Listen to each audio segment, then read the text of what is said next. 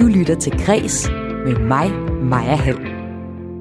Alt var grænseløst. Alt var tilladt.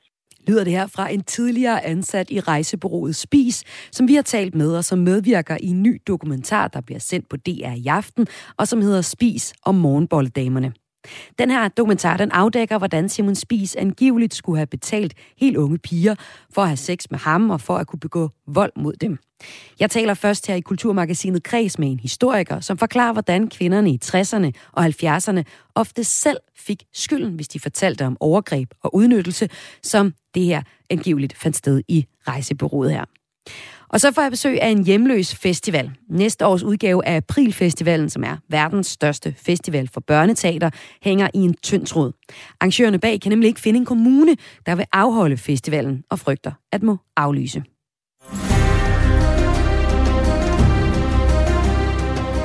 Den ventede spin-off-serie til succesen Game of Thrones, som vi hører lidt af musikken fra her, ramte HBO Max i nat. Den hedder House of the Dragon, og mange har ventet på at se, om den her serie kan blive samme store fænomen som forgængeren. Jeg har en superfan i studiet, der kan give os den vurdering, og jeg kan afsløre, at han er umiddelbart meget positiv. Det skal også handle om, at øh, der mangler udøvende kunstnere i den nye bestyrelse for Kulturens Analyseinstitut, der er blevet offentliggjort lige inden weekenden. Fordi at øh, dem, der skaber indholdet, det er jo som bekendt de udøvende kunstnere. Og jeg synes, det er helt naturligt, at øh, de udøvende kunstnere også får en plads mere ombord i den nye bestyrelse er det kun formanden, der er udøvende kunstner. Hun er filminstruktør. Men det er altså for lidt lyder kritikken, og den ser jeg nærmere på sidst i udsendelsen. Velkommen til Græs. Mit navn er Maja Hall. En ny dokumentar viser en grum side af rejsekongen Simon Spies, der fra 60'erne til 80'erne havde stor succes med at sende danskerne på charterrejser. Udover at introducere danskerne til charterrejsen, var han også kendt i medierne for at leve et meget ekstravagant liv med masser af sex. Men nu har det altså også afdækket, hvordan han angiveligt også betalte helt unge piger under 18, ikke kun for sex, men også for at begå decideret i vold imod dem. De unge piger, som Simon Spies ifølge kilder i dokumentaren betalte for at sex med, kaldte han for morgenbolledamer, hvilket også var et udtryk, der blev brugt af pressen dengang. Liselotte Breden, der i halvandet år var ansat som direktørlærling i Spis-koncernen, udtaler i et nye dokumentar, at mange af de ansatte hos Spis og folk i Simon Spis omgangskreds kendte faktisk til morgenbolledamernes alder og funktion, og de mange kontanter, som blev betalt for at dyrke sex med ham. Og til os fortæller hun, at det var tydeligt, hvad der foregik. De fortalte mig ikke noget om selve aktiviteterne. Det var jo unødvendigt, og øhm, jeg så deres reaktioner, når de havde været igennem møllen hos øh, spiser på, for, på topetagen. Jeg så nogen komme ned med og klemme en lille tårer. Jeg så nogen komme ned og være helt øh, eksalteret. Se, hvad jeg har fået, og, og, og så videre. Alt smykker, penge, og så videre. Ifølge tidligere ansatte, der fremgår det i dokumentaren, at de her morgenbolledamer var under 18 år og ofte kom fra meget trange kår i familier, hvor der manglede penge. Flere af de tidligere ansatte, også nære venner, fortæller desuden, at Simon Spies tilbød ekstra penge til morgenbolledamerne for at begå vold mod dem. I nogle tilfælde var der tale om et større beløb på mellem 10.000 og 35.000 kroner, hvis man kunne få lov til at brække kvindernes eller pigernes arme end den der deciderede vold, den kendte Liselotte Bredden dog ikke til. Det er helt nyt for mig, det her. Og jeg ved ikke, om det foregik, da jeg var ansat, eller om det kom senere med, at de, man gætte sig til, måske skulle mere og mere til, for at det var spændende for ham. Det tør jeg ikke sige noget om, men det er ganske forfærdeligt. Jeg så ikke nogen tegn på, på vold på, på pigerne, mens jeg var derinde. Liselotte Breden fortæller i dokumentaren, at morgenbolledamerne hverken var hans elskerinder eller veninder, men havde status som kaniner, beskriver hun det som. Hun siger for eksempel, sådan nogen, man kan tage ud af et bur og sige, åh, hvor er den blød og lækker, og så sætte den ind i buret igen og trække den anden frem en anden gang. Liselotte Breden fortæller også til os, at tiden havde indflydelse på, hvordan den her udnyttelse kunne finde sted, i hendes optik i hvert fald. Alt var grænseløst, ja. Alt var tilladt øh, pornobølge, øh, stor frihed, øh, Øh, alle var topløse, alle gik hjem med hinanden fra diskotekerne osv. Så videre, så videre. Der, det var meget løsluppet, der var ikke, der var ikke meget øh, mange standarder for, for ordentlig opførsel. Øh, den var jo ikke gået i dag, håber jeg. I hvert fald ikke med alt den, øh, så havde man jo skjult det. Og vi spurgte hende også, hvorfor ingen stoppede de situationer, der opstod i Spis Rejsebureau. Der var ikke noget at gøre for at stoppe det. Hvis du ikke billigede øh, noget i spiskoncernen, så kunne du jo gå. Altså, du kunne ikke komme nogen steder. Om vi så havde været 30-40 mennesker, så var vi jo bare blevet afskediget alle sammen. Der var ikke noget at gøre. Jeg aner ikke, hvad vi skulle have gjort. Men der var heller ingen, der gjorde noget jo. Og der var ingen, der talte om det, fordi hvis vi tællesatte det, som det hedder i dag, øhm, så var det jo noget, vi ikke kunne øh, ignorere. På baggrund af den her dokumentar, som bliver vist på DR i aften, der kræver en håndfuld af de tidligere ansatte nu en undskyldning fra den nuværende Spis-koncern. Det mener Liselotte Breden også, at de bør få.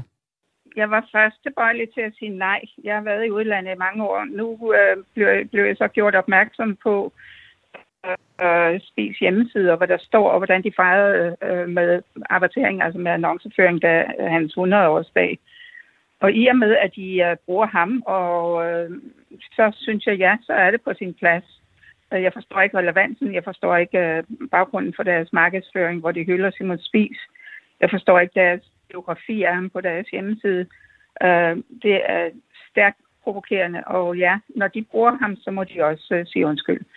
Her hørte vi altså fra Liselotte Breden, der var tidligere ansat som direktørlærling i Spis-koncernen, og som havde talt med min kollega tidligere i dag.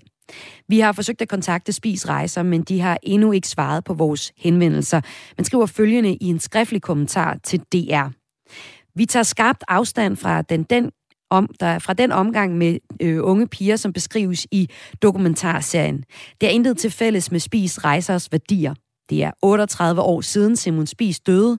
Siden da har vi haft fire forskellige ejere, og er et helt andet sted i dag end i en helt anden tid.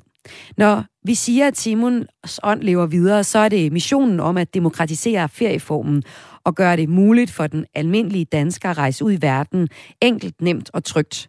Hvis det er uklart, vil vi kommunikere dette tydeligere fremover. Og vi bliver altså lidt her i kreds ved den nye DR-dokumentar om Simon Spies udnyttelse af unge piger. For var synet på sex i 60'erne og 70'erne med til, at Simon Spies kunne udnytte de unge piger, uden nogen gjorde noget? Den pointe fik vi sådan lidt frem lige før, og det skal jeg tale videre med min næste gæst om. Det er Søren Hein Rasmussen. Velkommen til dig. Tak skal du have. Du er historiker og har en Ph.D. fra Aarhus Universitet, og har blandt andet beskæftiget dig med, hvordan vores forhold til sex har ændret sig gennem historien. Og derfor har du også indsigt i netop, øh, indsigt i netop den tid, hvor Simon Spies havde sin storhedstid, og betalte de her helt unge piger for sex, og for at de også, øh, han også kunne begå øh, vold med dem, for eksempel brække en arm, som kommer frem i, i serien her. Du forklarer, at øh, synet på overgreb mod unge piger var anderledes i 60'erne og 70'erne. På hvilken måde var den anderledes?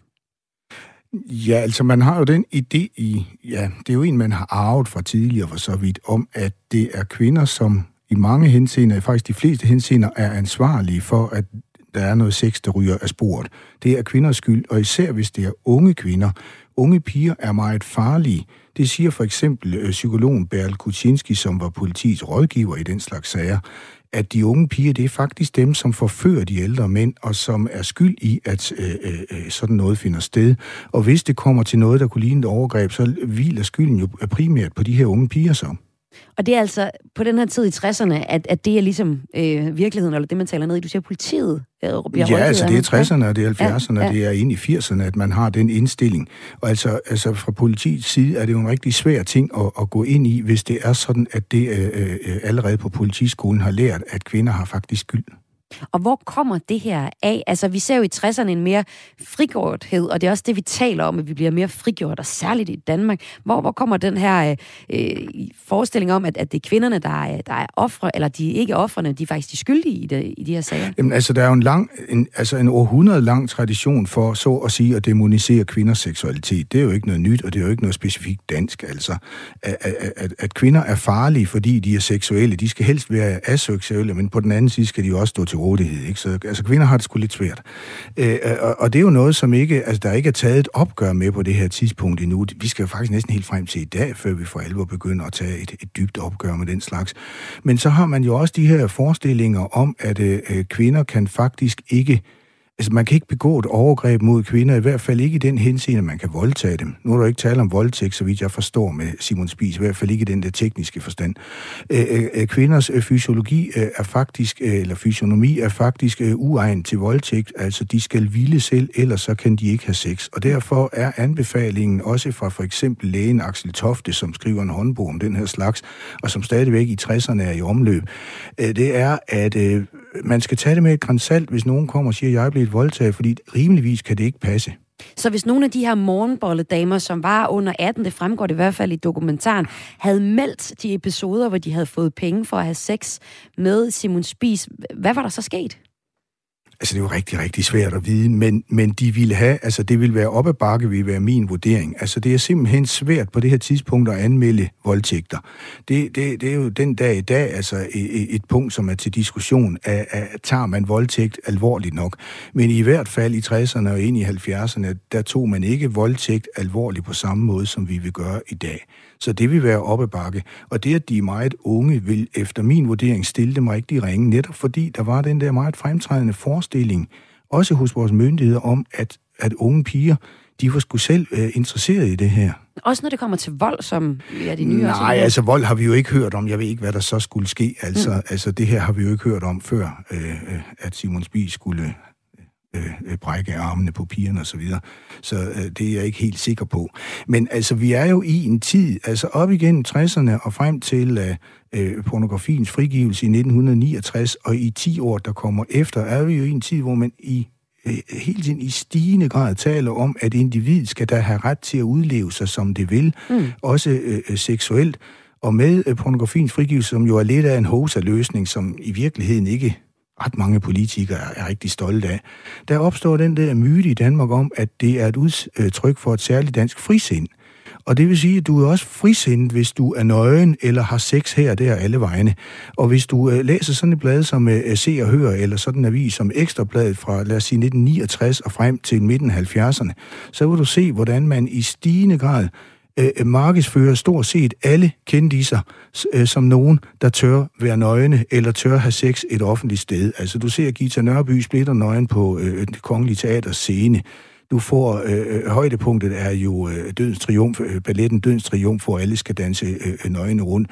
Du ser brødrene Olsen stå med bare røv i vandkanten, fordi ellers er de bare ikke med på moden. Mm. Og du ser en Simon Spies, som øh, dyrker øh, gruppe 6 øh, øh, inde på en natklub efter øh, premieren på en pornofilm. Og så bliver han fremstillet som den der seje leder, der kan, at der tør noget helt særligt.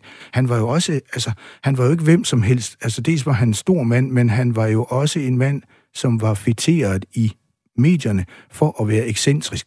Og han lagde jo ikke skjul på, at han havde sex med alle de her piger. Mm, mm. Så på den måde, så var der ikke nogen, der løftede mere øjenbryn, end at ej, det var fedt. Altså, det var en fed historie, der, der var omkring Simon Spies på det her tidspunkt. Og det gjorde det måske heller ikke nemmere, hvis man skulle anmelde. Altså, øh, Simon Spies indgår i en symbiose med den danske presse, især altså øh, sådan en avis som Ekstrabladet, og især øh, øh, øh Se og Hør Familiejournalen, nej, ikke Familiejournalen, undskyld, Billedbladet, mm. som jo bringer rigtig, senere også ugens rapport, som jo bringer mange, mange reportager om Spis, og viser, hvor sej han er øh, hvordan hans livsstil, den er bare formidabel god.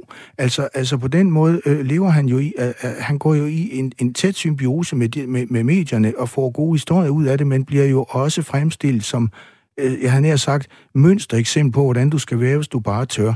Og det vil jo også gøre det sværere. Altså, vi taler jo om piger helt ned, så vidt jeg kan forstå, til 14 år. Mm. Det vil jo gøre det rigtig svært for dem at være ansat øh, ind i den her virksomhed, og så kommer Danmarks mest populære chef og vil noget særligt med dem. Mm. Så på den, det, du beskriver her, det er jo sådan set, at, at tidens øh, generelle frigjorthed, og også at man får øh, lovliggjort pornografien, var på mange måder jo egentlig med til, at Simon Spies kunne udnytte de her unge piger, uden at der var nogen, der stillede spørgsmålstegn ved det. Ja, så altså, du kan godt kalde det frigjorthed, ikke? Altså, der ligger jo et pres på dem, som vil, øh, så at sige, øh, kunne gøre sig på scenen eller andre steder for at være med i den der øh, såkaldte frigjorthed. Så altså, det er jo et godt spørgsmål. Mm. De er jo mere frigjort, end vi er. Jeg, ja. jeg, jeg tror heller, jeg vil leve i dag og være mere frigjort på min måde.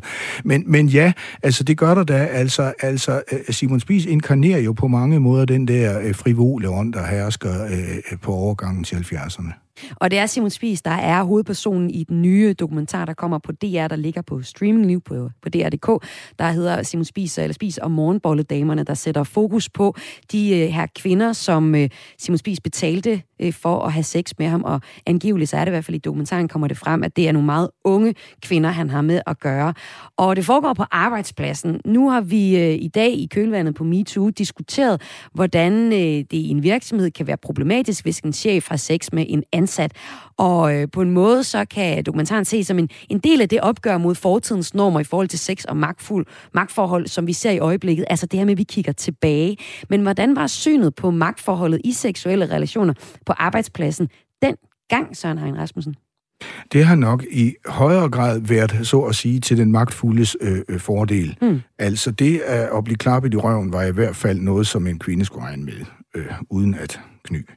Øh, øh, øh, det at forlange bestemte seksuelle ydelser har formodentlig været noget, som en chef kunne slippe afsted med i langt større omfang end i dag. Men det er jo en svær sag, ikke? Fordi de her sager er jo ikke anmeldt. Vi, vi, vi, vi har øh, nogle anmeldelser, men vi har jo ikke mange anmeldelser, fordi man ikke anmelder den slags. Mm. Altså, vi er jo inde i sådan en serie gråzone, hvor vi samtidig skal læse, hvad nogen har skrevet i private breve, eller øh, sagt, øh, så at sige, i bibemærkninger, for rigtig at, at, at kende til øh, øh, den tid. Men vi kan jo se, at, øh, at, at altså, i talesættelsen af kvinder, især unge kvinder, som nogen, der nok selv var ude om, det virker jo ikke befordrende for, at du anmelder noget. Mm, mm. Øhm, og så har man jo hele tiden lyst til at spørge alligevel, hvorfor skulle der gå så mange år, hvorfor det her kommer frem? Fordi spis og fænomenet morgenbolledamerne, det, dem har vi jo kendt til. Vi har kendt til historierne om Simon Spis. De bliver brugt også, som vi, som vi hører i kampagner, stadig Simon Spis som figur. Og morgenbolledamerne er jo også no, er jo ikke, er jo ikke en ny ting, er jo ikke noget, vi aldrig har hørt om før.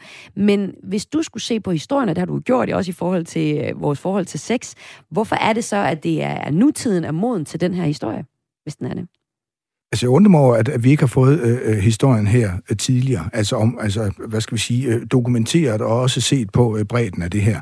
Men, men at det kommer i dag er vel ikke så underligt, fordi i de sidste fem, seks år har vi jo været øh, øh, øh, øh igennem en, en bølge af, af, af diskussioner, altså øh, under hatten MeToo, øh, hvor man faktisk har taget magtforhold op, ikke? Altså, hvor kvinder har taget øh, spørgsmål op, hvad er det egentlig, vi skal finde os i?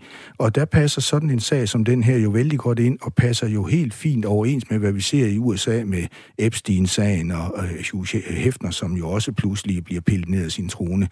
Så øh, altså, altså på den måde, altså i, i, i det klima, vi i øjeblikket har, hvor der jo i virkeligheden raser meget voldsomme debatter om, hvad der er ret og rimeligt, og hvor jo ikke alle er enige i, at det skulle være så slemt at blive tvunget til lidt sex hvor slemt skulle det være, ikke?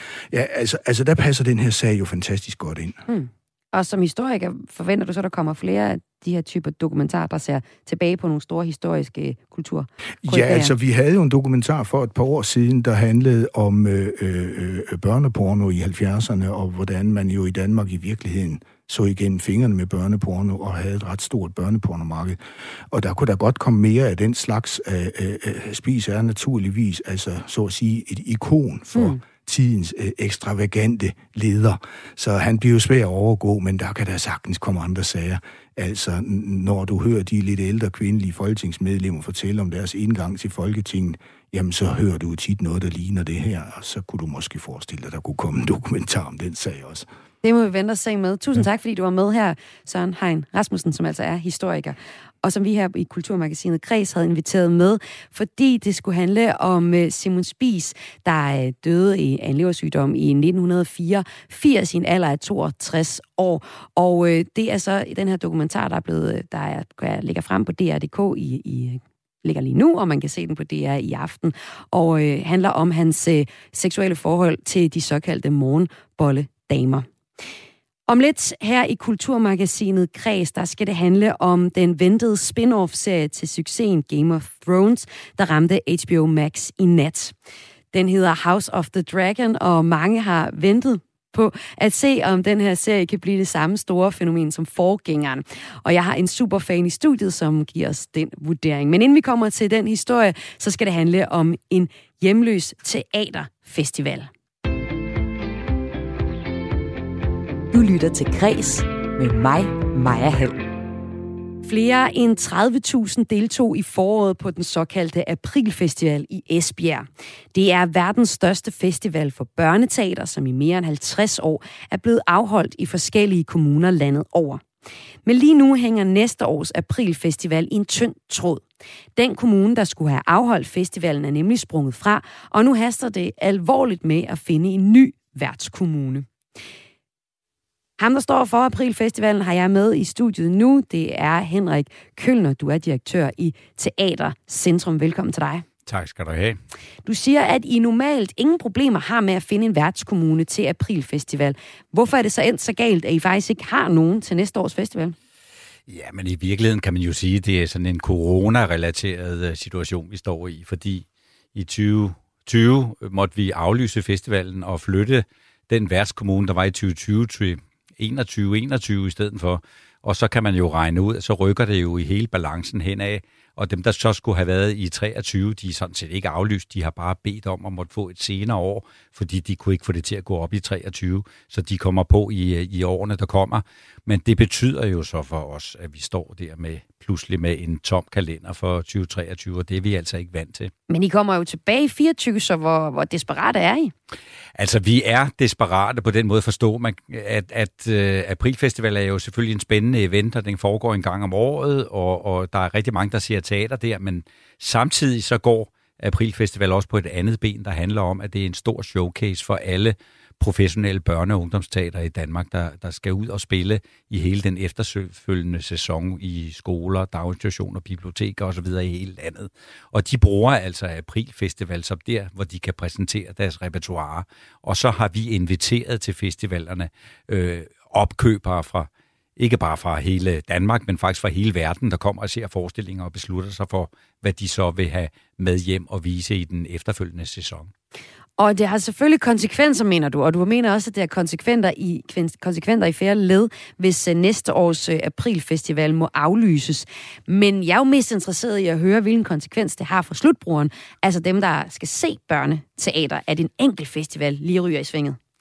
Altså, det, det får jo store, udover dem, der selvfølgelig ikke kommer til at se lige øh, de her cirka 30.000, som du nævnte, som ikke får mulighed for at opleve en, en fantastisk børneteaterforestilling øh, på en festival i øh, april 23, så, så kan det jo komme til at påvirke alle de børn, og det er omkring en million om året, der ser børneteater i, øh, øh, i forskellige sammenhæng. Det kan være i skolen, det kan være i daginstitutionen, det kan være på biblioteket med deres forældre, eller det kan være nede på det lokale teater. Alle de her, som normalt går ud og får glæde af scenekunsten, øh, de kan risikere, at der ikke kommer noget nyt på repertoireet i hele den efterfølgende sæson. Og, og det synes vi vil være en kæmpe, kæmpe stor skam. Det vil være svært for branchen, men det er også svært for dem, der i virkeligheden skal have glæde af kunsten. Mm, så genudsendelse er ligesom det værste konsekvens, og den kan jo være, den er vi træt af tit. Men, men hvad er det så, du siger, at den, den har konsekvenser sådan i andre led, altså for hele teater, skal man sige, miljøet, at øh, de, de nye ja, børneteaterforestillinger ikke kommer frem næste år? Jamen, det er sådan med, med børneteater i Danmark. Det er, jo, det er jo en kæmpe stor ting i virkeligheden. Det er ikke så tit, at man øh, hører om det, fordi det foregår jo som regel i det skjulte. Det foregår jo i skoler og, og, og daginstitutioner, som sagt, og tit er det ikke andre end lige børnene og lærerne, så måske forældrene, hvis de fortæller det hjemmebørnene, der ved, at der er foregået noget. Det er ikke noget, der sådan kommer op i headlines. Men hele det der store øh, øh, miljø, det er faktisk et af de mest levende øh, kultur øh, scenekunstmiljøer, vi har i Danmark, fordi det er der, at udviklingen foregår, og øh, tit, og det er der, der sker øh, nyudvikling og innovation, og hvor kunsten flytter sig nye steder hen. Mm. Og resten af, af scenekunstbranchen er sådan set afhængig af den måde, som man, man, man, man eksperimenterer og prøver nye ting af i børneteaterbranchen. Øh, og det er vi rigtig ked af, hvis det bliver øh, slået i stykker. Men øh, er det så ikke bare noget med at booke en, en hal, Rødovrehallen eller Aalborg Stadionhal? Jo, det ville jo være dejligt, hvis vi bare kunne gøre det. Altså, udfordringen er selvfølgelig, at det koster nogle penge. Normalt er det sådan, at en kommune køber festivalen, og så får de så 50% refusion fra staten bagefter. Men det koster jo noget at bringe øh, øh, over 100 øh, øh, teatre til et sted, og hvor de spiller jo øh, i løbet af en uge omkring 800 forestillinger. Øh, det er sådan, festivalen normalt ser ud, og det har vi altså ikke kapacitet til at kunne gøre, uden at der er nogen, der vil hjælpe os.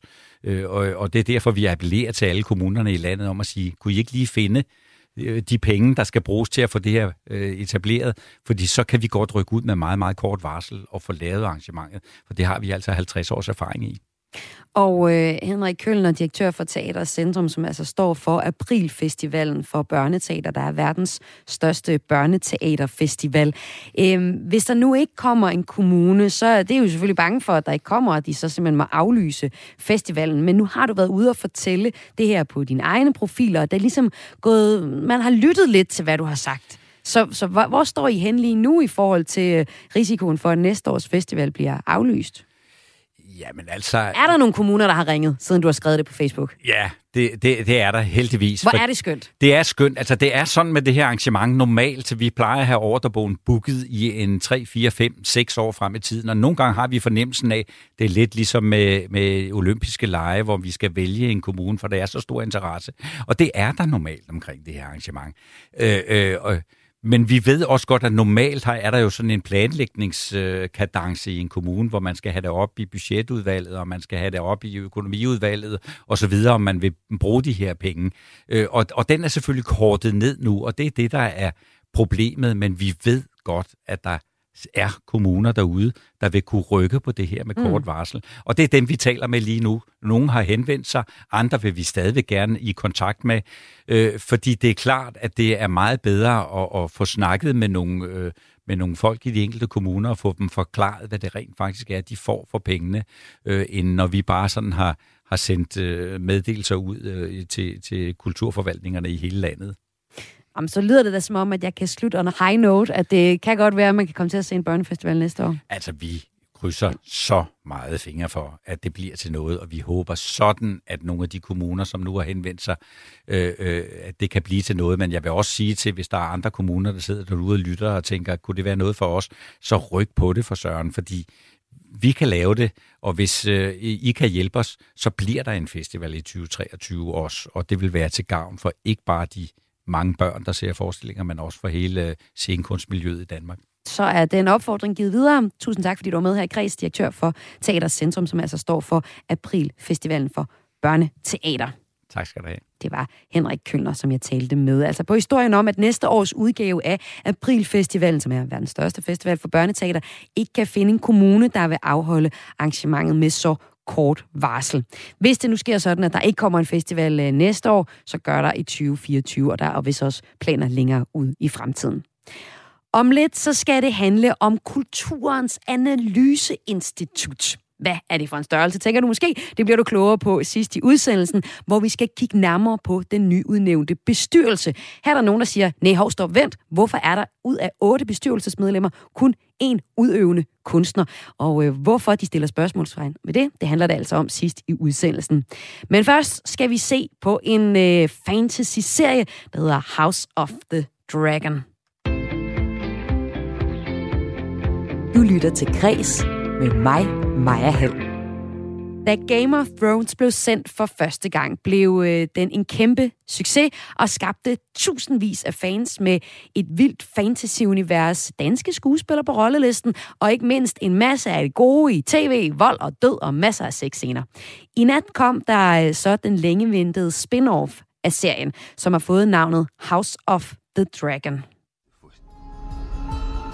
think the Ram will ever accept me as their queen? A woman would not inherit the Iron Throne. Because that is the order of things. When I'm queen, I will create a new order. Your family has dragons. They are a power men should never have trifled with. Serien her, den udspiller sig så 200 år før handlingen i Game of Thrones, og her følger vi Targaryens kongerige i det storhedstid, frem til en borgerkrig om arvefølgen, som du måske kunne høre i klippet her. Hvem skal arve? Kan det være en kvinde? Det her det lyder måske allerede en lille smule indviklet, men det er det ikke for min næste gæst, for vi har tale om en super fan. Velkommen til Frederik Krav Nikolajsen, super fan af Game of Thrones-universet. Velkommen til dig. Tak skal du have. Tak fordi jeg måtte være du øh, er begejstret for den nye House of the Dragon-serie, som altså er et spin-off på, øh, House, øh, for, øh, på, for Game of Thrones. Hvorfor er du sådan ja. umiddelbart begejstret for første afsnit af den her sæson? Ja, men første afsnit, det ligger perfekt op. Det, øh, man har både ventet på øh, noget, hvad vi regner med skulle kunne leve op til den gamle serie. Og allerede fra en halv time inden i første episode, så, så kan man mærke, vi er tilbage det er præcis samme stemning, præcis samme intriger, som vi har savnet fra den gamle serie. Så ja, lægger hårdt ud. Det ligger hårdt ud. Du, du siger lige sådan en halv time inden, der kan du mærke, okay, den er der. Du er klar til at ja. sidde cleanet til næste afsnit også. Hvad er det, der sker en halv time inden i øh, den her øh, nye serie House of the Dragon? Jamen altså, episoden starter jo relativt blødt ud. Man skal lige introducere Oh, og der tror jeg simpelthen, at vinden den tog alt, hvad du sagde ja, til uh, os, uh, Frederik Krav, Nikolajs. Vi prøver at se, om du er kommet i læg nu. Jeg har altså en super fan af Game of Thrones-universet med. og uh, der er kommet den her nye spin-off-serie, House of the Dragon. En halv time inden i første afsnit, du, hvad sker der der? Ja, men der er, som sagt, der er lige noget setup, man skal igennem i starten. Vi skal lige møde de her karakterer, som den her serie kommer til at handle om. Vi skal lige vide, hvor i verden er vi, hvornår er vi. Og så, øh, nu nævnte du selv det her, at noget af det handler om kvindelige arvinger. Der er, en, der er en scene, hvor at den nuværende konge, der sidder på tronen, han skal vælge mellem, øh, om han vil lade sin kone få et kejsersnit, hvilket på det her tidspunkt med højst sandsynlighed betyder død for hans kone, om han vil ofre hende for at mulighed for at få en mandlig arving. Og det er altså, det får man at se. Det er en meget grafisk scene og en meget emotionelt øh, tung scene. Den sker cirka en halv time inden. Det er der, hvor jeg mærker, at nu er det altså seriøst, og nu er vi tilbage. Nu er vi tilbage. Nu er der noget på spil i, øh, i serien. Det kan jeg også høre. Jeg er også hooked på det. Jeg har ikke set første afsnit af den her endnu. Og jeg skal også høre dig. Jeg har ikke set alt Game of Thrones. Kan jeg godt se den her serie House of the Dragon, selvom jeg ikke har øh, fulgt med og siddet cleanet til tv på øh, Game of Thrones-serien? Ja, 100 procent. Der er ikke noget øh, ved serien, som kræver, at du skulle have set Game of Thrones. Der er et par enkelte referencer til serien Game of Thrones, men det er, altså, det er ikke noget, hvor hvis du misser referencen, så er der ikke noget, der går tabt. Det er en helt øh, en standalone historie, som, øh, og du bliver øh, introduceret godt nok til den. Du behøver slet ikke at se Game of Thrones for at se Men det har du jo så. Du har set første sæson af Game of Thrones mere end 10 gange, og været igennem øh, ja, hele serien fem gange, og læst de her bøger, der står bag Game of Thrones flere gange også. Altså, hvorfor er du så optaget af, af den her øh, serie? Jamen altså, jeg har altid været draget til fantasy. Det, det er der jo mange, der er. Og jeg er vokset, jeg er den generation, der er vokset op med sådan noget som Harry Potter og Ringens Herre og så videre. Og jeg elsker det. Det skal man ikke tage fejl af. Jeg elsker Harry Potter, jeg elsker Ringens Herre, jeg elsker alle de andre fantasy-verdener. Men det er, det er øh, verdener, hvor det er universet, der er det vigtige. Det er ligesom det, der drager en. Karaktererne er, altså, som sagt, jeg elsker der Aragorn og Harry Potter, men de er relativt indimensionelle karakterer. I Game of Thrones, der får du præcis et lige så uddybet, nok mere uddybet fantasy-univers som i de andre serier. Men du har også det her enormt dybe, enormt brede karaktergalleri, hvor hver eneste karakter er fuldstændig, øh, altså meget, meget dybe og meget levende karakterer. Og det er der jo altså 30-50 af de her karakterer. Den blanding, kombinationen af den verden og de karakterer, det, det finder du ikke andre steder end Game of Thrones. Det er derfor, du er fan. Og Frederik, din telefon den driller os en lille smule, men vi kan næsten høre ja, dig. Men måske, mens jeg lige fortæller lidt om Game of Thrones, så kan det være, at du måske kan tage dit headset ud, eller gå et ja, sted hen, hvor der ikke er så meget øh, baggrundsstøj. Jeg har altså en super fan af Game of Thrones-universet med, som I kunne høre her, der synes, at øh, der er mange flere dimensioner i de karakterer, som vi møder i universet. Og hvis vi ser på Game of Thrones, så er det en øh, fantasy-serie på øh, otte sæsoner. Serien den handler om en række familier, der kæmper om magten i sådan et middelalderagtigt verden, krydret, hvor der er masser af magi og drager og romantik, og som jeg sagde før, rigtig meget sex og vold. Mens øh, familierne kæmper om magten, så kommer der en helt anden fare fra den nordlige del af landet, hvor der bag en høj mur bor en række væsener, som potentielt kan udslette hele øvbøv menneskeligheden. Og de begynder så at forsere muren, og så har vi ligesom to dramaer, familiedramaet og nogle væsener, der kommer og ødelægger det hele.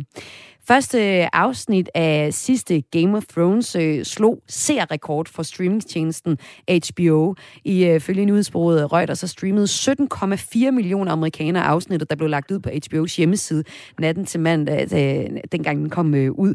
Og, øh, og afsnittet eller serien øh, inden da... Øh, sæsonen inden da, der var, det var den, der slog flere rekord. Der er altså ikke nogen tvivl om, at øh, HBO har fat i serierne med Game of Thrones, og selvfølgelig prøver de også at se, om de også kan få det med den her nye spin-off-serie, som hedder House of the Dragon, som vi altså øh, skal tale mere ned i nu.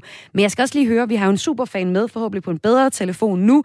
Øh, du er så stor fan, at øh, du har været på Roskilde Festival flere år, hvor i den afdeling, der hedder Dream City, har haft en Game of Thrones lejr. Hvordan øh, har I bygget den op?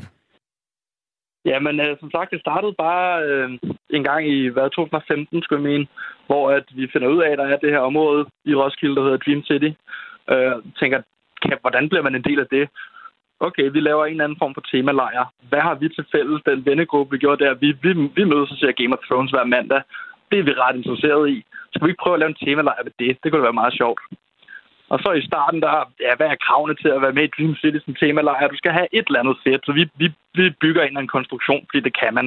I første år, der bliver det bare et eller andet tårn, som ikke rigtig betyder noget for serien, men det var bare ligesom noget, vi gjorde for at være med. Og så, øh, så fandt vi alle sammen en karakter, vi godt kunne lide, klædte os ud som dem, og så var vi ligesom den her lille oase i Dream City, hvor du kunne komme og nørde lidt, når du lige er træt af at drikke øl. Og I nørder jo øh, fortsat også, også når I ikke er på festival. Og det er også sådan, at I i aften skal se House of the Dragon, altså det nye ja. afsnit i den her nye serie. Hvis vi så kigger på den serie, så handler den om, altså, som jeg sagde, om Targaryen-slægtens storhed og fald. Altså en af slægterne fra Game of Thrones-universet.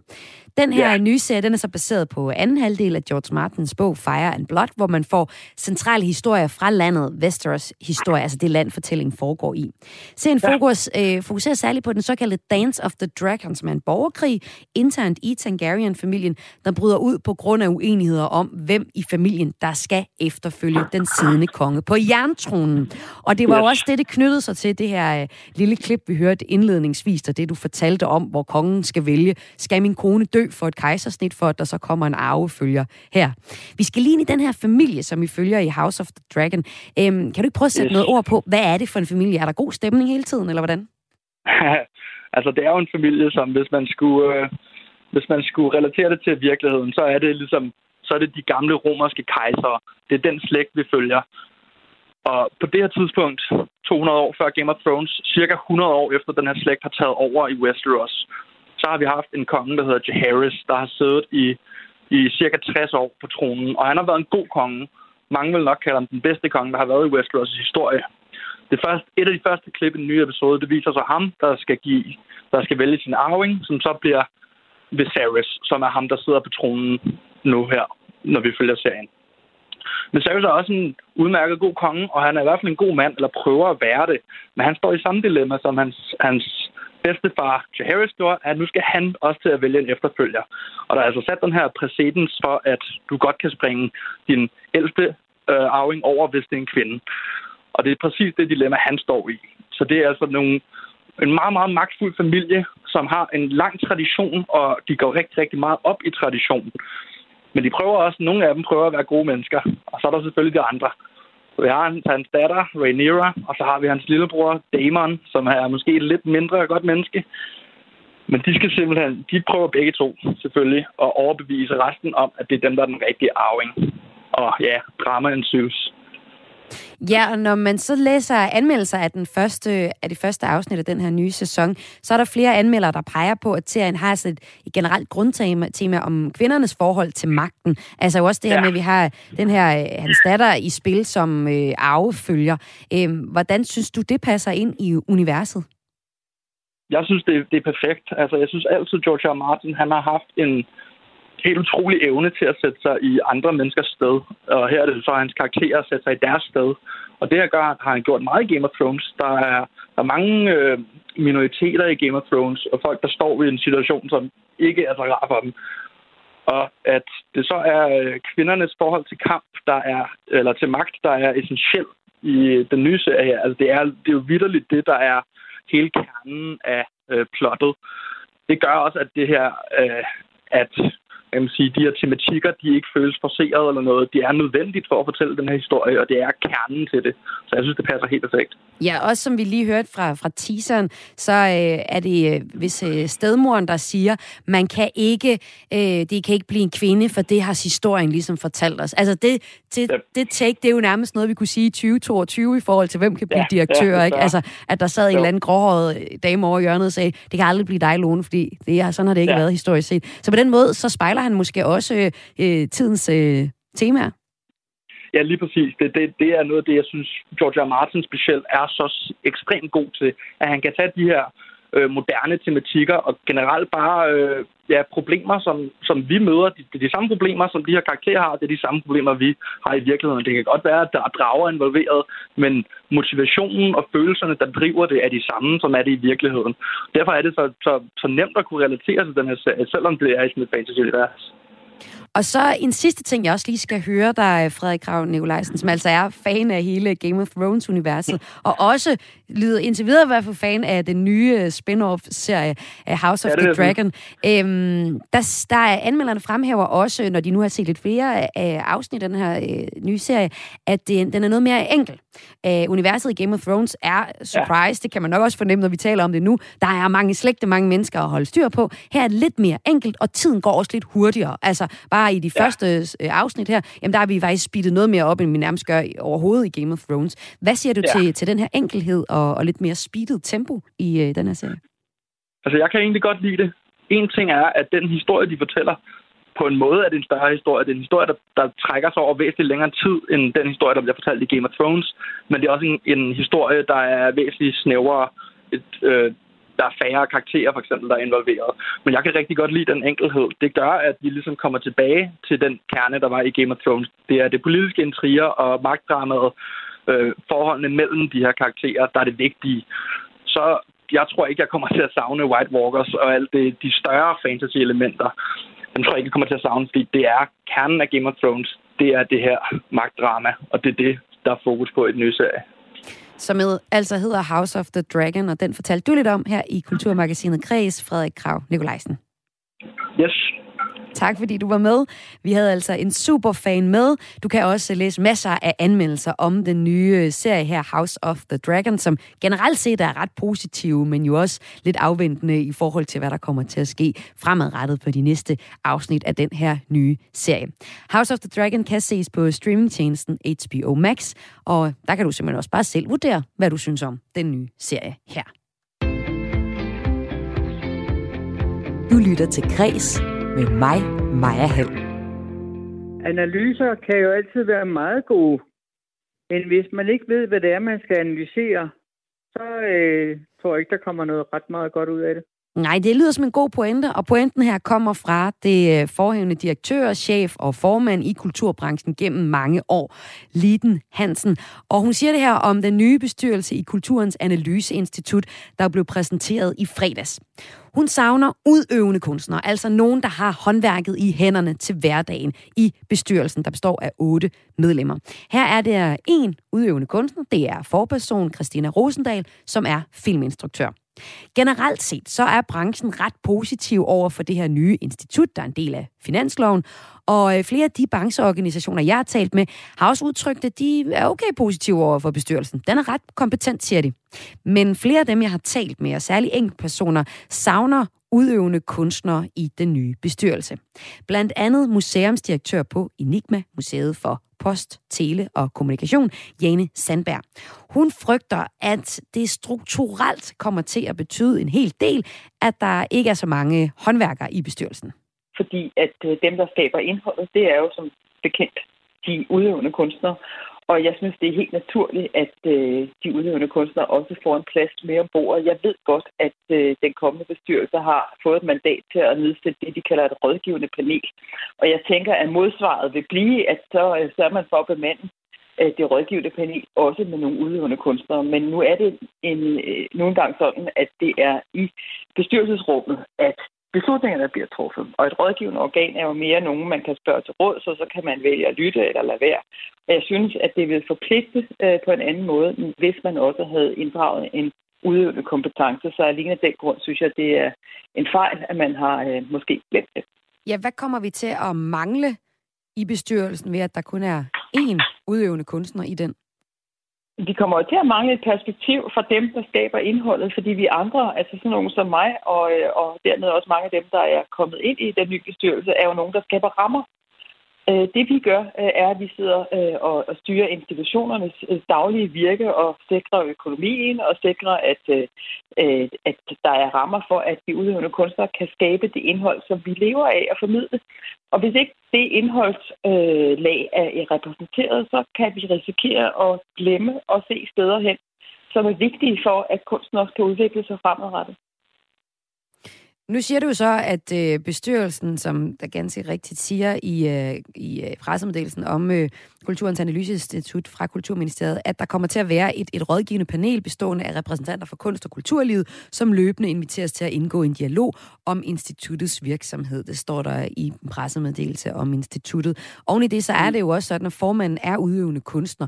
Altså, hvor mange flere udøvende kunstnere øh, kunne du godt drømme om, der var i den her bestyrelse?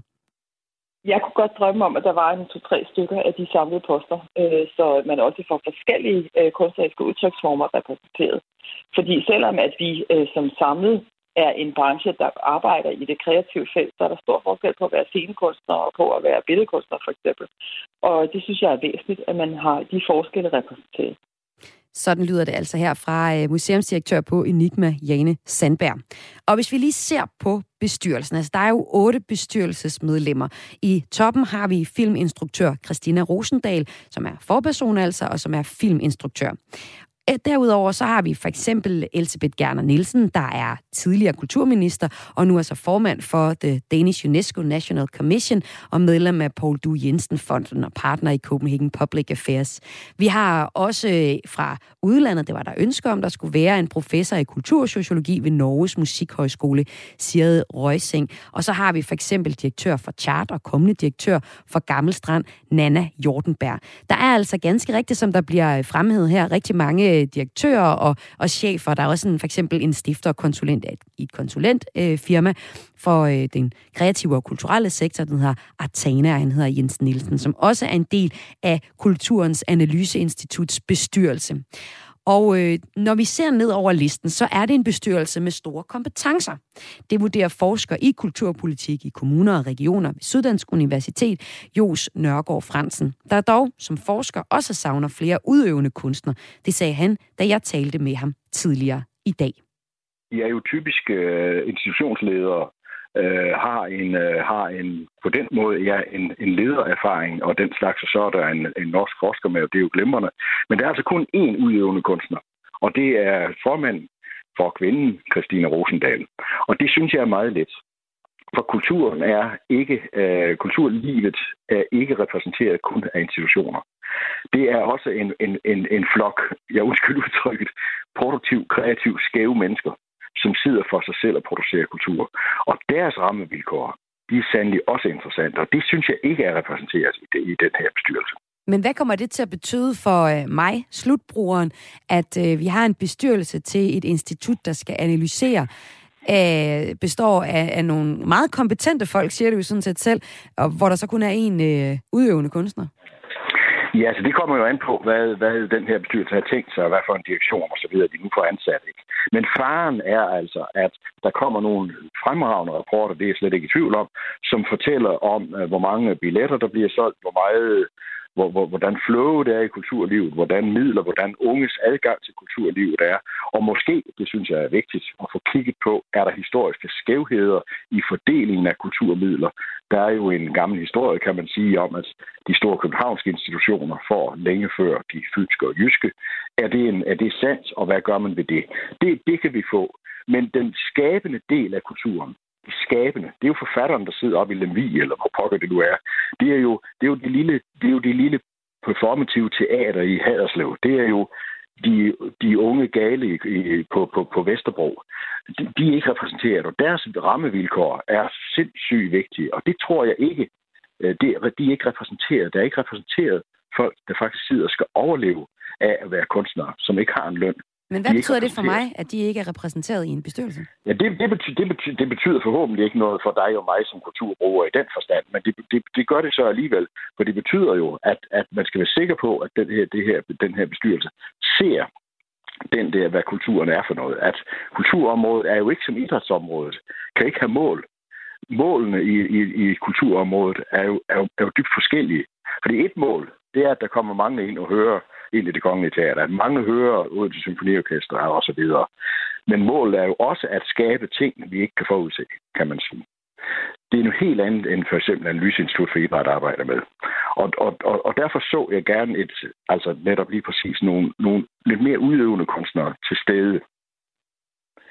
Så det, det betyder for dig, når du spørger på den måde, det var jo det, du spurgte om, ja, det, det betyder, at man skal passe på, øh, at det, du betaler skattepenge til, ikke er et udvalg, øh, et, et institut, som leverer fine, glatte rapporter, som kulturministeren en gang om året kan tage op på Folketingets talerstol og sige, det går godt, eller det går mindre godt. For det er jo fuldstændig uinteressant for dig og mig. Og de der rapporter, du snakker om, øh, dem kalder den næste, vi lige skal høre fra, for sådan nogle Jøf-rapporter, der kan komme ud af Kulturens Analyseinstitut.